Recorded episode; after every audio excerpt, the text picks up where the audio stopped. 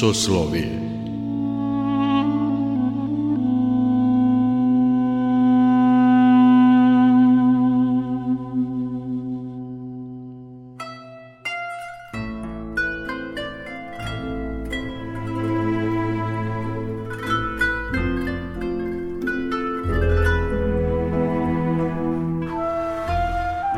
Slušate Soslovije, religijski nedeljnik Radio Novog Sada. Dobrodošlicu vam želi Mirjana Ranković. Sveta Srpska carska lavra i manastir Hilandar nedavno su odlikovali naše kolegu, reditelja Gorana Vukčevića, srebrnjakom sa likom svetog kralja Milutina. Zahvaljujući tome, on je upisan u povelju stog titora manastira Hilandar. Nedugo za tim, Goranu Vukčeviću je patrijarh srpskih Porfirije uručio i arhijerejsku gramatu za doprinos očuvanju pravoslavne vere u eparhiji Zvorničko-Tuzlanskoj po odluci episkopa Zvorničko-Tuzlanskog Fotija.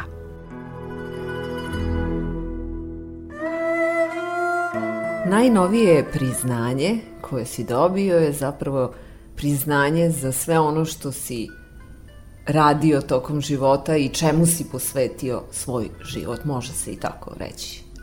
Da, može se reći, tako s obzirom da je primljeno iz ruku njegove svetosti patrijarha srpskog gospodina Porfirija, a mi smo stari znanci i saradnici već više od tri decenije, a neposredni povod je bio ipak film So zemlji, 50-minutni dokumentarac koji sam radio u čast hrama Uspenja Presvete Bogorodice u Tuzli, povodom 140 godina od osvećenja ovog hrama koji je ne samo neverovatno značajan za istoriju Tuzle, nego oslikava i čitav, da tako kažem, mučenički put srpskog naroda na toj teritoriji, s obzirom da je za vreme NDH dva puta čak postojala namera da se hram e, sa narodom tokom službe digne u vazduh i onda je hram spasen, zahvaljujući baš e, tom suživotu Srba i muslimana i zastupništvom ljudi iz, iz islamske zajednice, tadašnjim, zato što e, su u Tuzli, da tako kažem, svi časni i čestiti ljudi taj hram smatrali i istorijom Tuzle značajnom za celu Tuzlu, bez obzira na različite konfesije, a e, sam hram je takođe spasen od, e, od rušenja baš na inicijativu Srpske pravoslavne crkve i Tuzlaka, i tokom 50-ih, 60-ih, 70-ih godina je sačuvan zahvaljujući posebnom poduhvatu i zalaganju i materijalnom ulaganju da se on sačuva od rušenja iako je potonuo gotovo metar na jednu stranu. Tada i tada je u stvari stradala kompletna srpska varoš, sačuvan je upravo hram Uspenja Presvete Bogorodice, srušena je tada čak čitav centar Tuzle je nestao, jer se jednostavno stvorila jedna rupa veličine šestospratnice ispod zemlje, upravo zato što je Tuzla osolila, da tako kažem, ceo svet i eksploatacijom soli dala ogromnu žrtvu, praktično žrtvovala svoje arhitektonsko nasledđe.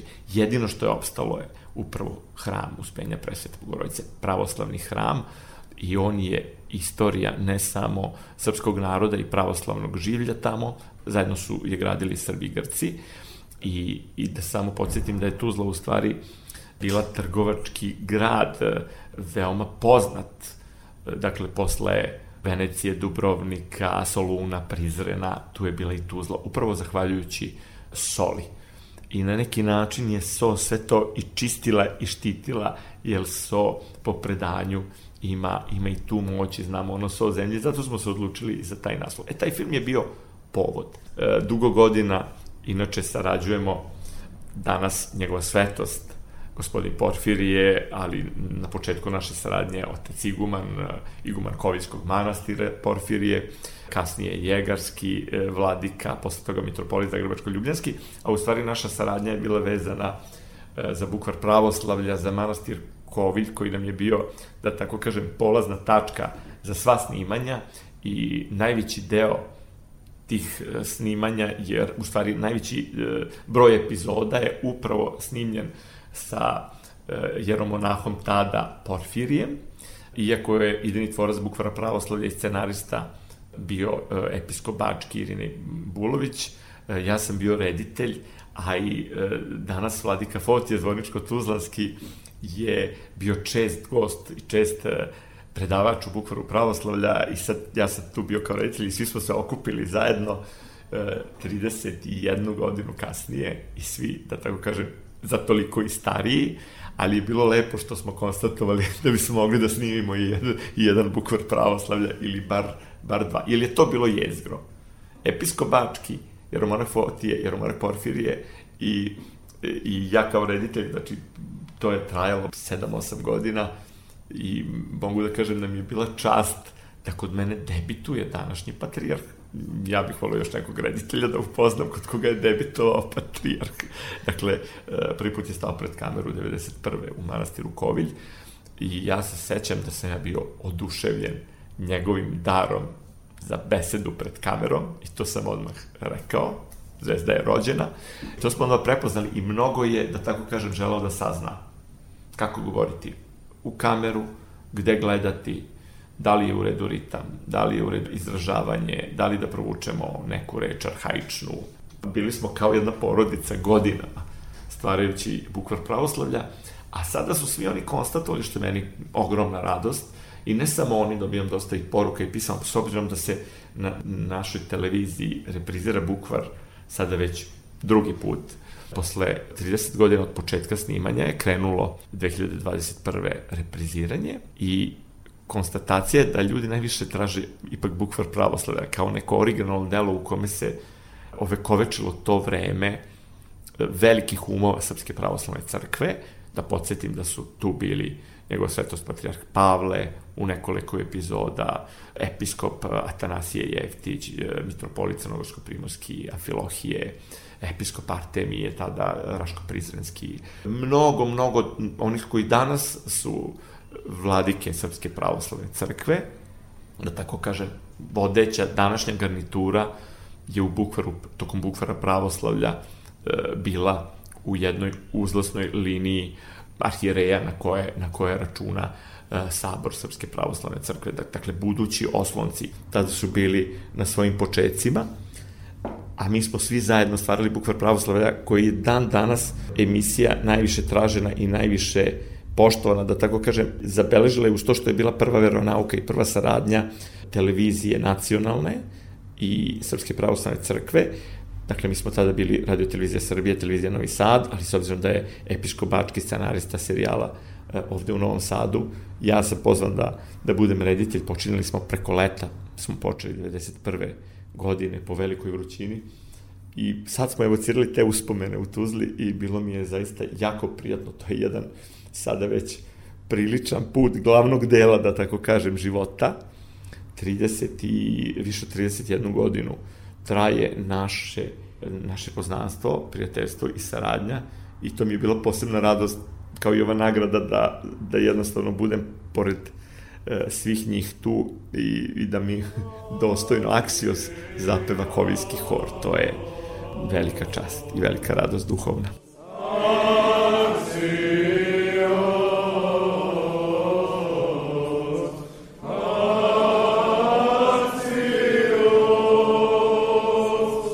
Nedavno si nagrađen i priznanjem od manastira Hilandar. Da objasnimo slušalcima o kakvoj nagradi je reč. E, reč je o nagradi poveljeg Titora.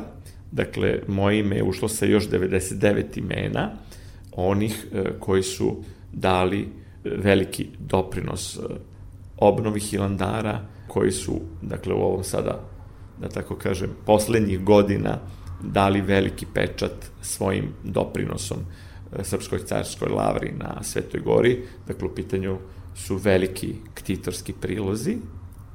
E, meni je velika radost što sam ja dao duhovni prilog i što su oni prepoznali da, mislim, kad kažem oni, mislim na bratstvo manastira Hilandara, što ih nisam razočarao sve ove godine, jer za 32 godine može mnogo iskušenja da se desi. Prvi put sam došao u oktobru 1990. godine, upravo po ustoličenju tadašnjeg igumana Pajsija, koji je e, na igumanskom tronu bio svega dve godine, imao je neku ličnu tragediju u ratu, e, veliku sa svojom porodicom, stradao je ogromni broj njegovih rođaka u Bosni i napustio i kasnije nekoliko godina još bio u Prohorupčinskom u eparhiji Vrajskoj, e, međutim prerano je, nažalost, preminuo već sa 40 godina i ja sam tada počeo da dolazim u Hilandar i nanizalo se preko 300 dolazaka, što nije bio ni hir, ni biznis interes, niti bilo šta, nego jednostavno neki priziv i neka moja želja tog prvog trenutka kad sam kročio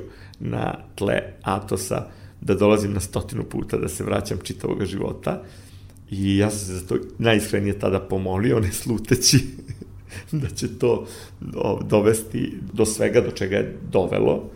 Ja mogu da kažem da je meni i od, svaki odlazak u Hilandar značio isceljenje od rana koja dobijete koje dobijete u ovom spoljnom svetu, pogotovo u ovom našem poslu i ovim iskušenjima ovog našeg vremena, e, mi koji, da tako kažem, živimo izvan a to sad znamo koliko dobijamo drugačije udarce, tamo su, da tako kažem, podvig je tamo drugačiji, ovde je drugačiji, ali e, svaki taj odlazak, makar i najkraći, tri puta sam otišao na sat i po, meni je mnogo značio. S druge strane, kad god bi iguman metodije predložio neku našu saradnju, kao što je recimo pre 7-8 godina, stvari skoro deceniju, e, sam radio za arhiv manastira Hilandara, dakle beležili smo kontinuitet obnove posle velikog požara 2004. godine, ta obnova i dalje traje, ali jednog momenta je bilo važno zabeležiti određene faze obnove i meni je bila velika čast što je Iguman Metodije predložio da budem član tog tima,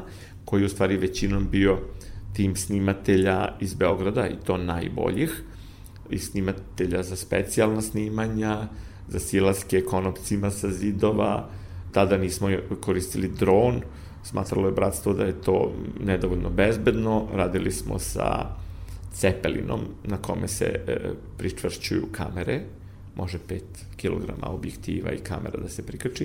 I to je jedno meni čudesno i, i da tako kažem profesionalno iskustvo, a posebno radost, bilo jako naporno.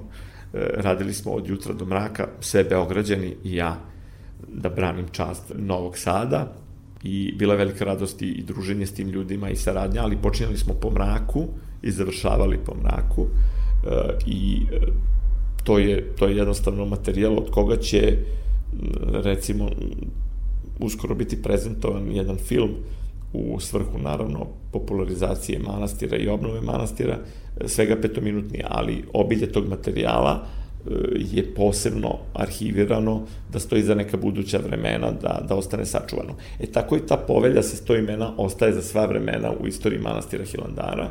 Pretpostavljam da ćemo mi dobiti po jednu kopiju na kojoj ću na kojoj su svih sto imena, pa ću saznati i ko su e, ostalih 99 dobitnika, jer je ukupno napravljeno 100 tih srebrnjaka, oni su prilično e, veliki, 20 grama najfinijeg srebra, i s jedne strane je lik e, freska Svetog kralja Milutina, a sa druge strane je manastir Hilandar.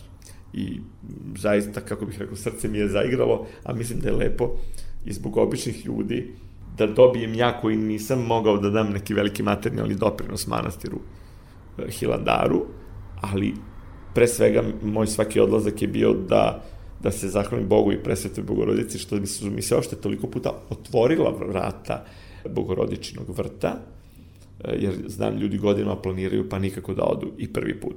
E, kao recimo što ja nikada nisam bio u svetoj zemlji, a stalno nešto planiram. Prosto vam se neka vrata otvore i nešto vas stalno vuče.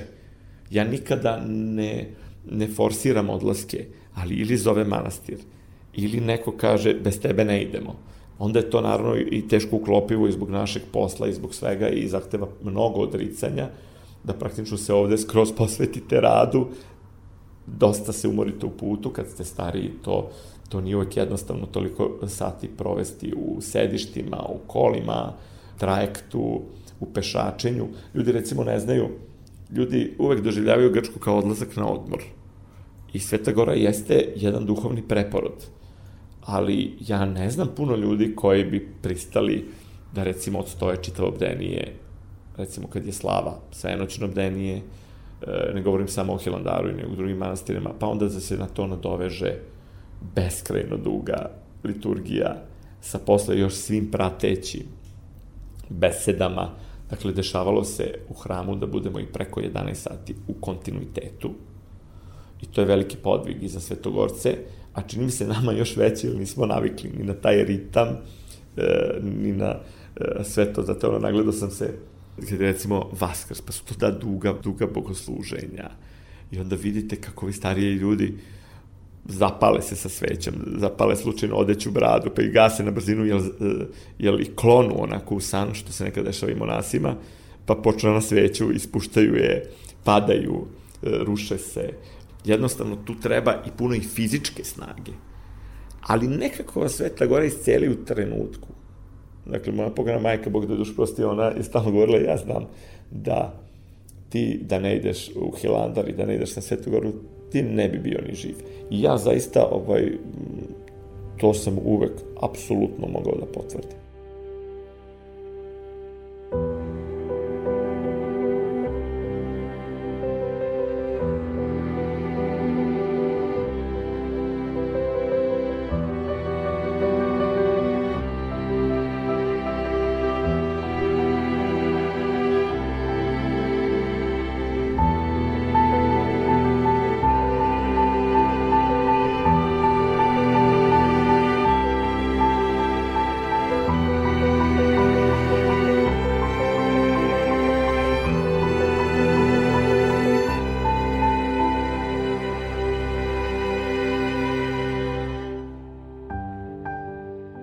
Gost religijskog nedeljnika Soslovije je Goran Vukčević. Sveta Srpska carska lavra i manastir Hilandar nedavno su odlikovali naše kolegu, reditelja Gorana Vukčevića, srebrnjakom sa likom svetog kralja Milutina. Zahvaljujući tome, on je upisan u povelju stog titora manastira Hilandar. Nedugo za tim, Goranu Vukčeviću je patrijarh srpski Porfirije uručio i arhijerejsku gramatu za doprinos očuvanju pravoslavne vere u eparhiji Zvorničkog Zvorničko-Tuzlanskoj po odluci episkopa Zvorničko-Tuzlanskog Fotija.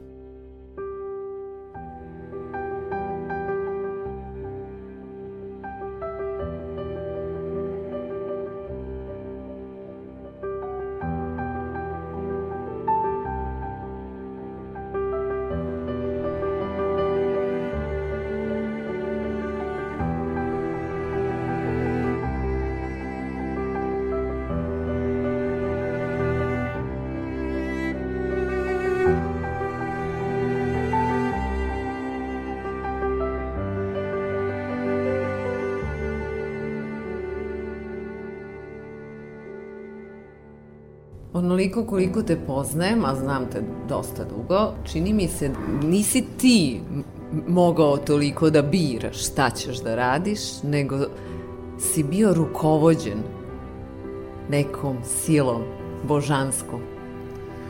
Jeste, kad sam otišao prvi put u manastir, ja sam prosto osetio da taj lom koji sam doživeo e, sa zabranom diplomske predstave, da je isceljenje krštenje. Zato što e, budući da je otac bio komunista, mama nas nije krstila, ali je svaki dan govorila, ja moram vas da krstim. I mene je vukla, naravno, vera me vukla uvek. Prosto to čini mi se da imate u sebi i ne morate da čekate čin krštenja da biste osetili da ste pobožni. Dakle, jedino to treba da nekako taj put tačno, tačno usmerite. Jer ja sam imao različite interesovanja, ja sam čitao svim mogućim veroispovestima, to je bilo ono doba jugoslovenskog, gde smo mi mislili sve to ok, ali u suštini najveći broj u stvari oni koji su pravoslavni Srbi bili su neki jugosloveni s ubeđenjem, nekršteni, tako da sam njima i ja pripadao. Međutim, od nas privuče ta neka slatkoća pravoslavlja, mislim da je neka svako zna taj pojam e, slatko pravoslavlje koji je ikada zaronio u, u lepote e, pravoslavlja, naravno svo poštovanje drugih konfesija, to napominjem, ali e, to prvi put kad sam otišao, otac Kirilo, legendarni, koji se upokojio pre nekoliko godina, kad sam ja tamo počeo da kukam svoju priču za to vreme našeg kratkog boravka, mi nismo stigli da se krstimo, krstio sam se posle pred bukvar pravoslavlja u Kovilju. Znači, pet godina ne da se, ja idem i po crkvama i molim se i klečim, ali ne otvara se. Ali Hilandar ipak bio nešto prelomno. Ono što kažu kad se kad se ovaj, zgazi tamo na tle, trajno postaješ iskuženik Svete Gore ili trajno si na taj izvor moraš uvek da se vraćaš. Mislim, iako se ne vraćaš, uvek će te to nekako vući, peći, da treba da se vratiš za života. I otac Kirilo je meni rekao, ja sam ovaj, nešto kuko oko zabrane predstave, oko sukoba s upravnikom tada, oko, ne znam, problema sa mojom rediteljskom karijerom na samom početku, a ja taman diplomirao i to sa najvišom ocenom ikada kod mog profesora. To je, naravno, sueta ovoga sveta, pogotovo se nije razumeo mnogo u teatar, gde sam ja tada krenuo da pravim karijeru, a on je onda rekao, pa sad ti je crkva otvorena, on je iz Trsteničkog kraja bio, sad je crkva otvorena, uđi tamo, pa klekni pred Trojručicu, pa nek te ona usmeri, nek ti ona pokaže put, pa će to da bude dobro. I ja sam to uradio i mi smo posle toga e, brzo morali da krenemo, tih tri i po sata do Luke, a pre toga, pošto smo ostali tako kratko i dobili blagoslov da se krstimo, ali moj brat i kolega sa akademijom su morali da idu, meni je bilo, ja sam se lomio da ostanem, ali je bilo problematično kako ću se vratiti, tad je malo ko dolazi u manastir. Često ne dođe niko ili dođe samo jedna osoba, jedan poklonik. I onda sam ja prelomio da se vratim. I dali su nam po krst, moj brat uzeo, ja sam, da, po krst, vino, rakiju i hleb koji se tek ispekao. Predivan hleb, znači možeš samo njega da jedeš. Dve, dva kilograma iz te čuvene pekare od Sadike, od Mihajla, dok se u onim načvama hleb spremao, stara pekara koja je stradala u požaru 2004. I taj hleb pamtim kao taj deo epohe koja se neće vratiti, a koji bi se vratio sutra odmah, pa petrolejke, gvozdeni kreveti, hladne sobe, gde moraš da ložiš ili da se smrzavaš. I onda sam, taj moj hleb, budući da je trebalo 3,5 sata ići do pristaništa Bugarskog manastira Zograf, tu priču često pričam, ali ona je neizbežna. E, knjizi koju, koju pišem se pominje, e, to je da smo moj hleb pojeli do, do luke, a onda sam ja rekao, dok smo čekali brod, može malo ta rakija da se proba, ovaj moj drug sa akademije, on je rekao, taman posla, ovo se čuva za moju svadbu. Onda se pitao svog brata Saleta, jel možemo malo to vino da otvorimo? On je rekao, taman posla, ovo će se otvoriti na mojoj svadbi. A ja kažem, ali moj hleb smo pojeli. A kažu, pa što si ti uzo hleb, ko ti je kriv, mogu si da biraš. Pa kažem, ja sam računao da to su sve naše, pa samo nosimo. Ne, ne, ne, ovo je moje, ovo je moje.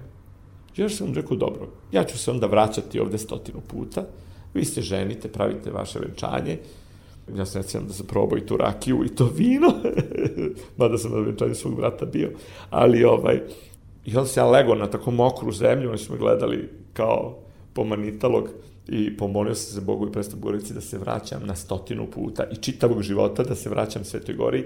I samo to da mi se ostvari kao najveća želja, da, da, da, da, da, da mi se to da, a ja to silno želim, bio sam toliko fasciniran da postoji uopšte takav prostor, kao da ste prošli kroz vremensku kapiju, pogotovo mi koji smo ono, u duhu nekog Titovi pioniri, SFRJ, bratstvo, jedinstvo i sve ostalo. Dakle, uopšte jedan deo istorije nismo znali, da uđeš u dimenziju, tamo neka Srbija se čuva, istorijska. To sad nije tako, sad, eto, Hilandar i u medijima, ljudi idu masovno, o, i onda se to tako dogodilo što kaže, pazite šta želite, možemo se obistiniti. I onda mi je uvijek teško bilo da ne odem. Svaki put sam to računao kao priziv. Kao i sada, kad je otac Miloš Trišić došao kod mene u Novi Sad. Sav ustreptao na ivici suza, da ja neću slučajno odbiti njegovu molbu da radim film o crkvi u Tuzli, povodom jubileja, jer je mu je bilo neverovatno važno da ja budem ne samo reditelj tog filma, nego i narator u filmu. Ja sam to doživeo ne kao poziv jednog sjajnog mladog sveštenika, nego kao priziv presvete Bogorodice ili crkve uspenja presvete Bogorodice. Ja sam rekao, ni jednog momenta nisam ni pomislio oče Miloše da vas odbijem. A on je krenuo u suze ili bio siguran da ću reći ja sam pre, previše zauzet i tako dalje. I, i posle kad sam ja želeo da da vrhunska spikerka, naša draga koleginica Snežana Živković bude narator, A on, on je samo rekao, ne, to ne dolazi u obzir, mi želimo tvoj glas. Što znači, neki mlad svet se vezao za vaše delo. Možda toga niste svesni, ali to sve češće doživljavam. I, i ovaj, kao što prepoznajem da sam jako dugo bio najmlađi u kombi, u ekipama, recimo kad idem televizijski, a sad sam najstariji skoro, vrlo često najstariji. Ne baš uvek, ali i to sam sada rekao vladi, Kifotiju i naravno da sam se nevjerojatno obradovao kad je došao poziv za Tuzlu, e, s obzirom da sam znao da je zvorničko-tuzlanski vladika, u stvari vladika koji je mene krstio u manastiru Kovilj u Buretu 91. u julu mesecu i, i da smo mi eto toliko prošli i kao cimeri i u kombiju i pričajući, imamo neke svoje lokalne šale i pošalice, kao i njegova svetost Porfirije, što se seća isto hiljadu nekih naših anegdota sa snimanja, i onda i sad smo se našalili e, s obzirom da se ja pokušavao da imitiram njega kad on ubaci neke arhaične reči da bi ta beseda bila u duhu nekom autentičnom, u duhu prošlosti, u duhu tih zidina gde je stajao kada smo snimali, ne znam, po Manasiji, po Gračanici i onda je onda bi on govorio da se vas postavi, da se zbude i čedo moje vozljubljeno, što ja kažem, što je rekao e, Sveti Simeon na, na samrti kada se upokojava u Hilandaru, što je rekao Svetom Savi. I ja kažem sada patrijarhu Porfiriju, kažem vaše svetosti, ja sad ne smem da se žalim da nisam vozljubljen i da nisam vas postavljen s obzirom da je došlo mnogo puta da se fotografišemo, da me zagrli, da oživimo neku uspomenu. E, ogromna radost je bila, ili tu bio i episkop Irine i Bački, neverovatno dobro raspoložen, pa smo se onda prisjećali bukvara i rekao sam da sam nedavno posetio e, na kratko, išao sam nešto na krv, bukvalno na 48 sati i onda sam u povratku e, svratio na meteore već u, u sumrak, i radio još samo manastir Sveti Stefan. I ušao sam tamo i prisetio se, ušao sam sa svojim saputnicima, e, nas trojica, znači platili smo karte, ušli u poslednjih onih pola sata dok se manastir ne zaključa, jer nažalost manastiri su, žive monaški život samo kad tu nije jedna ogromna masa turista iz celog sveta, koja je sada manja zbog svega što se dešava, ali taj turizam je potpuno zagušio meteore. I još jedna, jedna zanimljivost za žene, meteori su imali avaton. E, on je jednog momenta uklonjen, jer su žene mnogo pomogle u gašenju manastira jednog, kad se požar u stvari širio, žene su bile te glavne koje su danonoćno gasile i onda je zajednica manastira Meteora izglasala da se dopusti ulazak ženama na meteore. I, e, i do danas, znači, iako su bili nekad ustrojeni kao Sveta Gora, meteori su, e, nažalost, sad mnogo više jedan turistički centar nego verski, ali zaista čudesni manastiri, velike svetinje. Celiveo sam sada e, možti glavu svetog mučenika Haralampija, u, u manastiru Sveti Stefan, božanstvene ikone naravno, i blago čini mi se da je opet misija Meteora očigledno bila da se otvori toliko prema celoj planeti, pre, na celom svetu, prema svim narodima, sretnete sve konfesije među turistima, da se vidi u stvari lepota. Lepota pravoslavnih svetinja, osim što je to čudesno jedno mesto, čudesan jedan čudo prirode, jedno kako izgledaju meteori, ali eto, čak i Hollywood snimio nekoliko filmova, najpoznatiji samo za tvoje oči, James James Bond. Roger Moore i Carol Bouquet, čuvene scene su tu na krfu i ipak onda malo postane prepoznatljivije u stvari to koliko pravoslavlje dominira i svojim umetničkim izrazom, u stvari duhom koji je prenesen na freske, na ikone. Pa eto, producentska kuća Mela Gibsona ima, ima zaštitni znak ikonu presvete Bogorodice na špici njegove producentske kuće. E, ovo je sad mala digresija bila, ali je zanimljivo bilo da, da sam pomislio, bože, ovde smo snimili jedan od najlepših bukvara pravoslavlja u manastiru Sveti Stefan i ono što je bilo posebno lepo, turisti su otišli, manastir bio zaključan i otvoren samo nama i posle tog snimanja uh, bio je tada, koliko se sećam, tu je bio i tada otac Fotije i otac Porfirije i episkop Irine i Bački I onda smo pozvani na jednu divnu večeru, dobili smo darove od igumanije Agapi, saznao sam da se, nažalost, nedavno upokojila. Sećam se koliko se sestricu bilo divno i sada imaju novu igumaniju i mnogo su me obradovale što je to njima toliko radost prenalo kad sam ja rekao da smo s njima, su mnogo pitanja e, o Srbiji, o pravoslavlju u crkvi u Srbiji, onako koliko sam se kratko zadržao, uspeo sam da im što god objasnim, a onda su me zamolile da taj bukvar pravoslavlja im nekako pošaljem, da imaju to u svojoj arhivi i onako tu su se okupile i, i baš mi zagrejale dušu I ja sam pitao, ovo ćemo moći nešto ponovo da snimimo. A one su rekle, samo pomenite da ste to vi i dobit ćete blagoslove. I onda takve stvari su isto posebna nagrada. I za kraj, da li ovo sluti na neke nove radne pobede?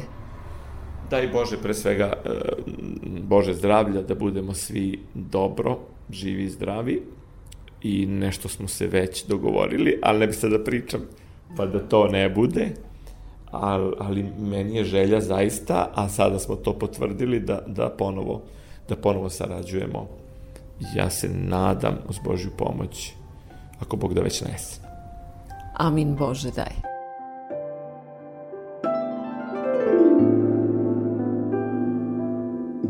Gost Soslovija bio je Goran Vukčević, filmski, TV i pozorišni režiser, koji je svoj život, slobodno se može reći, posvetio veri i duhovnosti. O tome najbolje govori činjenica da je 300 puta bio na Svetoj gori, da je autor i režiser čuvenog bukvara pravoslavlja, te bezbroj reportaža o srpskim, grčkim i ruskim svetinjama i intervjua sa najsvetijim ljudima novije srpske istorije, kao i monografije manastira Hilandar. Soslovije realizovali tonmajstor Damjan Šaš, urednik i autor Mirjana Ranković.